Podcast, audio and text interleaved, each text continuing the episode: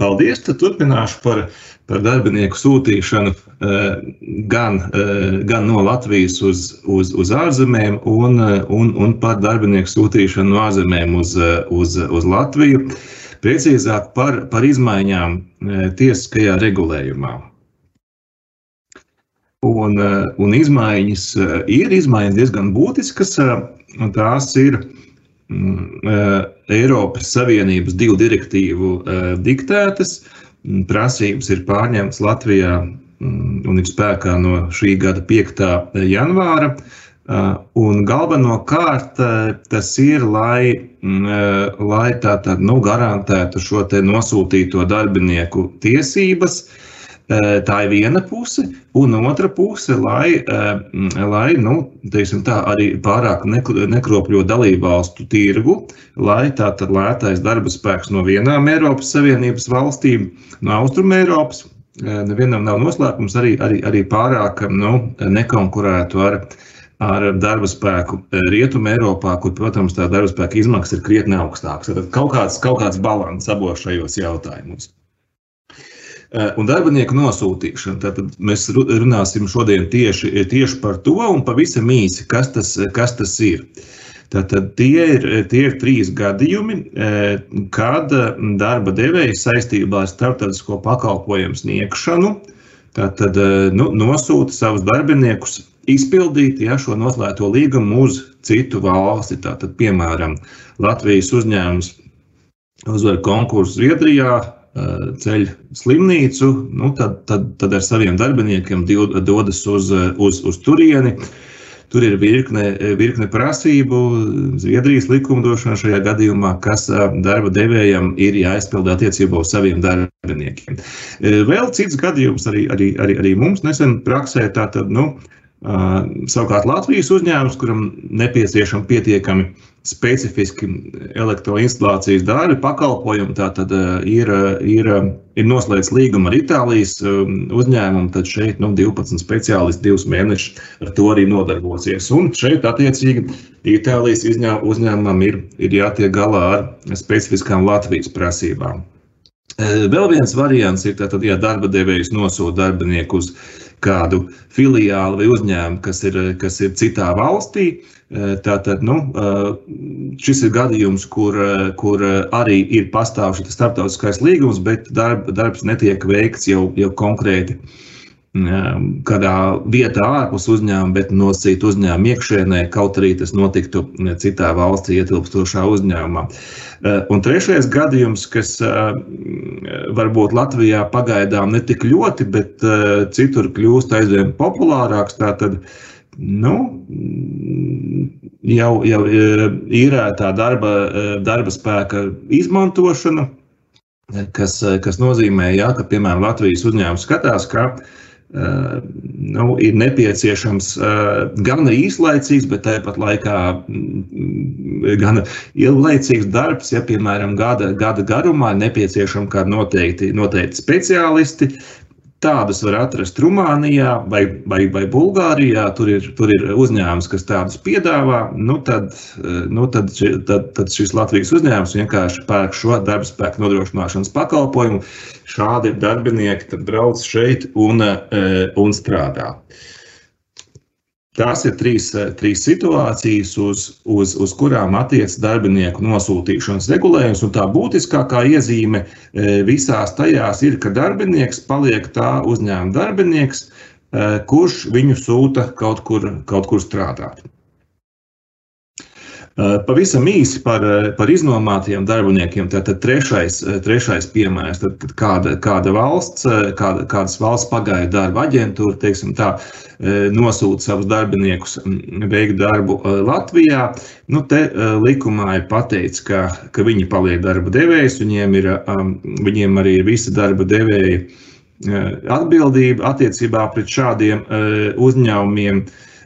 Nu, te, viņi, viņi paliek arī darba devējs tādā gadījumā, ja Latvijas uzņēmums, piemēram, šādā gadījumā izdomātu šos jau iznomātos darbiniekus sūtīt atkal vēl kaut kur tālāk, veikt jau, jau, jau viņa, viņam nepieciešamos pakalpojumus, tad, tad, tad pirmais uzņēmums paliek darba devējs. Nu, likums paredz, ka šādu darbinieku vairāk reizes nosūtīšana, ja, ja pārsūtīšana, tad šiem abiem uzņēmumiem savā starpā jāapmainās uz, uz, uz informāciju, lai tas sākotnējais darba devējs zina, kur viņa ir viņa darbinieki atrodas un ir, un ir aizceļojuši. Nu, protams, līgumā var, var, paredzēt, ka tā tālāk pārsūtīšana nemaz nav iespējama. Un, ja šādi iznomātie ārvalstu, tad Eiropas Savienības vai Eiropas ekonomiskās zonas darbinieki veids darbu Latvijā, tad, tad Latvijas darba devējam, nu, ja precīzāk, tātad uzņēmumam, kas izmanto šo iznomāto darba spēku, ir pienākums viņiem nodrošināt tādus pašus darba apstākļus, it kā tie būtu viņa, eh, viņa darbinieki. Eh, jā, šeit eh, īpaši svarīgs pienākums, te ir vairāk tādas informēšanas prasības, bet īpaši svarīgs šeit ir pienākums tāds, ka Šādā gadījumā Latvijas uzņēmumam, kurš izmanto ārvalstīs, ārvalstu darbiniekus, kur, kurus kāds viņam ir iznomājis, viņam ir pienākums pārliecināties, lai, ka šis ārvalstu uzņēmums ir izpildījis prasības attiecībā pret Latvijas valsts iestādēm, proti, ka ir informējis valsts darba inspekciju par to, ka nosūta darbiniekus, cik viņi ir kā, kā, kā, kāda ir viņiem, kāds viņu tātad, sociālais nodrošinājums, kuras, kuras valsts ir devuši A1 certifikātu, numurus. Vēl vesela virkni informācijas, kas ir, kas ir jāsniedz, jo, ja ja tā tad galu galā tas ārvalsts uzņēmums nebūs tomēr informējis valsts darba inspekciju, tad uh, nu, e, būs tiesības valsts iestādēm uzskatīt, ka Latvijā šis iznomāto darbinieku iz, izmantotājs ir, ir tomēr īstais darba, darba devējs un attiecīgi vērsties pret, pret šo uzņēmumu, ja tur, ja tur būs kaut kādas problēmas ar darba apstākļiem šiem, šiem darbiniekiem. E, tad jau par, e, par klasiskāku situāciju, tātad darba devējs kas nav, eh, kas neko neiznomā. Viņš vienkārši nosūta savus darbiniekus izpildīt eh, līgumu Latvijā. Tātad te būs, te būs piemērs ar, ar eh, Itālijas speciālistiem, kas šeit veic elektroinstalēšanas darbus Latvijas uzņēmuma labā. Nu, šādam darbiniekam arī būs jāpiemēro arī arī vispār saistošās ģenerāla vienošanās. Eh, Iekams likums eh, minēja tikai dažas prasības, kas ir minimālā alga, darba aizsardzības noteikumi, nediskriminēšana, atvaļinājums un dažas vēl. Tad šeit būs arī klāta eh, vispār saistošā ģenerāla vienošanās Nu, tādas šobrīd Latvijā gan ir, eh, gan ir tikai trīs būvniecībā, dzelzceļā un, eh, un, un, un eh, laikam, stikla, Valmieras stikla šķiet arī tāda ir noslēgusi, bet nu, trīs ir. Uh, un arī būs jāievēro, tātad nosūtot darbinieku šeit, uh, tas, ka jāmaksā obligātās darba samaksas um, sastāvdaļas, ja, kas Latvijā ir, ir tagad vairs ne tikai minimālā uh, alga, bet arī jau, uh, jau, jau tas, kas ir paredzēts ģenerāla vienošanās, kā arī vispār citos uh, piemaksas, kas ir paredzēts vispār likumā, gan par virsstundām, gan par nakts darbu. Uh, gan par eh, darbu svētku dienās, gan, eh, gan piemaksas par tiem darbiniekiem, kas veic darbu, kas saistīts ar īpašu risku un tam līdzīgi. Tā kā šī prasība izriet no no direktīvas, analoģiski tāda ir ieviesta arī visās citās Eiropas Savienības un ekonomiskās, eka, Eiropas ekonomiskās zonas dalību valstīs, kas nozīmē, ka Arī, arī tā ir saistoša e, Latvijas uzņēmuma sūtot darbiniekus tur, kas, e, kas, kas nozīmē, ka tā, tad, nu, šī nosūtīšanas izmaksas tieši uz darba samaksas rēķina e, Latvijas uzņēmumiem ir, ir kļuvušas lielākas. Tā tad tagad ir pienākums arī darba devējiem, kas ir nosūtījis savus darbiniekus šeit, atlīdzināt komandējumu izdevumus, ja, ja šie darbinieki pārvietojas darba veikšanai pa Latviju. Nu, un, ja šis darba devējs arī nodrošina izmitināšanas noteikumus, tad, tad ir jāievēro tā, lai šī vieta atbilstu minimālajām higiēnas prasībām. Un te ir ministra kabineta noteikumi, prasību dienas viesnīcām, kas būtu jāievēro arī šajā gadījumā. Vēl tāds pienākums, kas ir arī būtiski papildināts jau, jau iepriekš darba devējiem, kas nosūta darbinieku veiku Latvijā, bija jāinformē darba inspekcija. Nu, tagad šis pienākums ir papildināts vēl ar plašu, plašu sarakstu ar informāciju, kas darba inspekcijai ir, ir, ir jāsniedz, pie kam informācija ir jāsniedz latviešu valodā. Un informācija ir jāsniedz elektroniski. Tas nozīmē, ka nu, šis ārvalstu darba devējs parasti elektroniski informāciju tas sniegt varētu, bet nu, ar latviešu valodu tā ir problēma. Līdz ar to viņiem ir kaut kas jāizmanto šeit, lai viņiem palīdzētu. Arī ar informācijas sniegšanu elektroniski nesen bija problēmas, jo e, valsts darba inspekcijai trīs dienas nestrādāja e-pasta e serveris, un līdz ar to viņi nu, izņēmuma kārtā lūdza informāciju tomēr sūtīt papīra veidā pa pastu vismaz šajās dienās. Lūk, tā tad likuma prasība ir, bet kaut kādu iemeslu dēļ to nevar izpildīt. Jebkurā gadījumā papildus informācija, kas ir jāsniedz, ir arī darba devēja atbildīgās personas vārds, uzvārds un, un, un adrese. Nu, ir doma, ka ka tad nepieciešamības gadījumā tad valsts darba inspekcija kaut ko konstatēs, tad, tad meklēs šo ārvalsts nu, vai valdes locekli, izpildu direktoru, kā nu kurā valstī tas saucas, un tad mēģinās sazināties tieši ar viņu. Tā, tā, tā vajadzētu būt ātrāk. Lai, lai saprastu, kurš šīs darbinieks tad ir atsūtīts un lai viņi varētu pārbaudīt, Tad valsts darba inspekcija prasa, lai, lai tiek iesniegts arī personas identificējošās dokumentu numurs. Tātad, jā, pirms darbinieka nosūtīšanas jānorāda, jānorāda arī dokumenta numurs. Tā tad jānorāda arī precīzas darba vietas veikšanas adrese, Eh, un arī jāsniedz informācija par A1 certifikātu, norādot izdevēju valsti un eh, attiecīgi certifikāta eh, numuru. Šie, šī informācija valsts vēlas, lai tās tiktu sniegta detalizētāk, jo pirms tam nu, bija, bija problēmas, jo, jo nu, valsts darba inspekcija bieži dodas pārbaudīt dažādus objektus, un tad ir, tad ir persona, kura tur strādā, kura nav darbinieks un īsti nevar, nevar saprast, kādā statusā tā ir. Bieži arī ne, nu, pārsvarā gadījumā nerunā valsts, valsts valodā. Un, un tad, tad lūk, ja, ja valsts darba inspekcijai būs precīzāka informācija, tad, tad viņi varēs ātrāk saprast, vai tas gadījumā nav, nav nosūtītais darbinieks vai tas ir kāds cits. Tāpat arī, e, tāpat arī lai, lai informācija būtu aktuāla, likums saka, ka tā e, darba devējiem, kas nosūta darbinieku veidu darbu Latvijā, ir jāinformē trīs dienu laikā.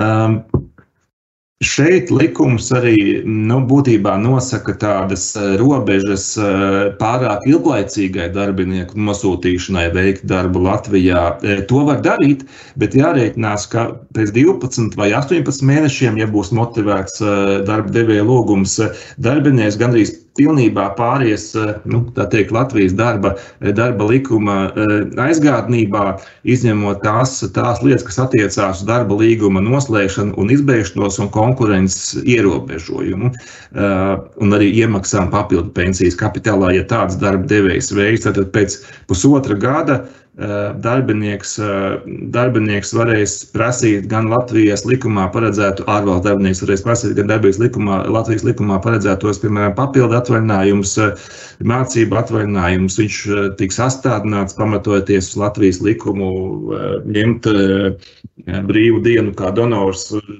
asins nodošanai un, un, un, un tam līdzīgi. Kas attiecas uz uz, uz, uz vēl vienu būtisku darba devēja pienākumu, tad darba devējam pirms, pirms viņš uzsāks sniegt šo pakalpojumu, kādēļ viņa darbinieki šeit ir ieradušies, viņam būs jāinformē tā persona, kas pakalpojumu saņem, tātad Latvijas uzņēmums, ka viņš tiešām darba devējam, ka viņš tiešām valsts darba inspekcijai ir sniedzis visu iepriekš minēto informāciju.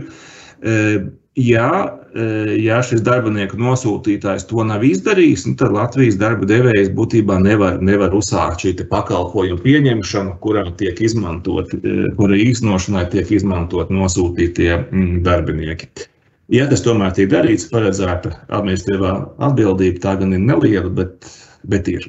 Tad pavisam īsi galva, galvenie darba devēja pienākumi nosūtot darbinieku veikt darbu uz citu valstu no Latvijas. Tas ir Latvijas uzņēmums, kas sūta savus darbiniekus strādāt ārzemēs. Tātad te ir arī galvenie, galvenās izmaiņas ir informācijas apjomā, kas darba devējam ir ir jāsniedz darbiniekam. Tātad tā, tas vairāk attiecās tīri uz, uz, uz, uz informācijas apjomu, bet nu, pati galvenā izmaiņa ir, kā jau es minēju iepriekš, ka tātad Latvijas darba devējam nosūtīt darbinieku uz Eiropas Savienības valsti vai EZ valsti kļūst dārgāk, jo Ja iepriekš varēja maksāt minimālu algu, plus tātad komandējuma nauda, tas, tas veidoja, veidoja diezgan ievērojamu summu, un, un, un abas puses bija vairāk vai mazāk apmierināti. Tad, tātad šeit, šeit jau, šeit jau jāmaksā būs arī darba, Latvijas darba devējiem no tie obligātie darba samaksas elementi, kas ir, kas ir citās valstīs, pat, pat ejot, ja citur ir jāmaksā atsevišķi vēl, vēl, vēl nodevu vai jāveic darbinieki, piemēram, profesionālās darbības apdrošināšana tajā valstī, tad, tad nu, tās būs papildus visas izmaksas. E, šeit ir informācijas saraksts. Es vairāk, e, vairāk šeit pieskaršos tikai atsevišķiem punktiem. Tātad nu, darba devējiem ir precīzi jāpaskaidro, ko darbinieks saņems saskaņā ar, ar, ar tās valsts likumiem, kurā, kurā viņš veiks, veiks darbu. Un, un kā tad pats darba devējs var saprast, kas viņam ir jāievēro, piemēram, nosūtīt darbinieku strādāt Francijā, tad, eh, tad šeit eh, pašā apakšā ir, mm, eh, ir, ir, ir, ir saite uz Eiropas komisijas mājaslapu, kur atrodas visu Eiropas Savienības dalību valstu oficiālās tīmekļa vietnes ar, ar, ar, ar pamata informāciju. Ja, jo šeit nu, te, te var katrai valstī atrast pirms darbinieku nosūtīšanas tās pamata lietas, kas, kas, kas tur darba devējiem, Latvijas darba devējiem būs jānodrošina. Un pēdējā lieta Mm, par ko, eh, par ko ilgi strīdējās eh, darbinieku pārstāvji un, un darba devēji. Tātad par komandējumu naudu nosūtot darbinieku no Latvijas veikt darbu uh, citā, citā Eiropas Savienības vai EEZ valstī. Tātad pirms tam bija Eh, noteikums, ka jāmaksā komandējuma nauda pilnā eh, apmērā, bet nu, tad, tad varēja maksāt eh, vairāk vai mazāk minimālo darba samaksu, tās valsts minimālo darba samaksu tikai. Šeit no sākuma likuma projekta redakcijā bija, nu, ka darba devēja izmaksas pieaug, tad komandējuma nauda var, var vispār nemaksāt. Nu, tad ir sava veida kompromiss, ka tātad komandējuma nauda būs, bet tā būs 30% apmērā no, no tātad ministru kabineta noteikumos par komandējuma naudas izmaksu maksājumā, eh, maksājumās dienas naudas normas. Ir, ir arī gadījumi, kad komandējuma naudu var nemaksāt vispār. Tātad, ja darbiniekam tajā pašā Francijā tiks nodrošināta ēdināšana trīs reizes dienā, vai vai viņam nu, būs eh, tiks maksāta salīdzināma eh, samaksa kā darbiniekam tajā valstī, uz, uz kuru darbinieks ir nosūtīts veikt, veikt darbu. Tātad, nu,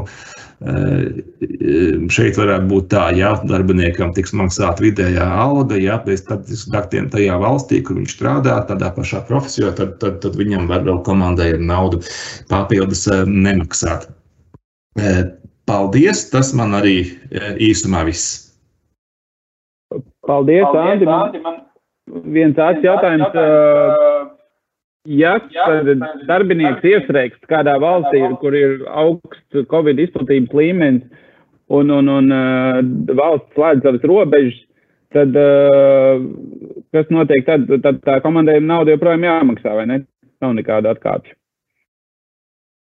Tas ir, jā, tas, ir, tas ir labs jautājums, kurš par, to ir, kurš par to ir atbildīgs šādā situācijā, bet visticamāk, ka, ka, ka jā.